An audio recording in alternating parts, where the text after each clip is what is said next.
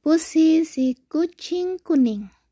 Pusi selalu berada di depan rumah besar yang berada di tepi sungai.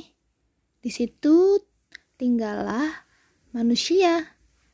Ada dua orang suami istri. Pusi selalu mengeong-ngeong. Meow, meow, meow. Karena Pusi kelaparan tapi tidak ada yang membukakan pintu. Malah Pusi diusir, dikejar-kejar. Pusi sedih sekali, Pusi kelaparan. Pusi akhirnya pergi dari rumah itu dan berjalan sambil menangis. Akhirnya Pusi ketemu dengan si Genji. Genji itu adalah kuda yang baik hati. Akhirnya kuda si Genji memberikan makanannya yang diberikan oleh majikannya. Majikannya sangat baik sekali.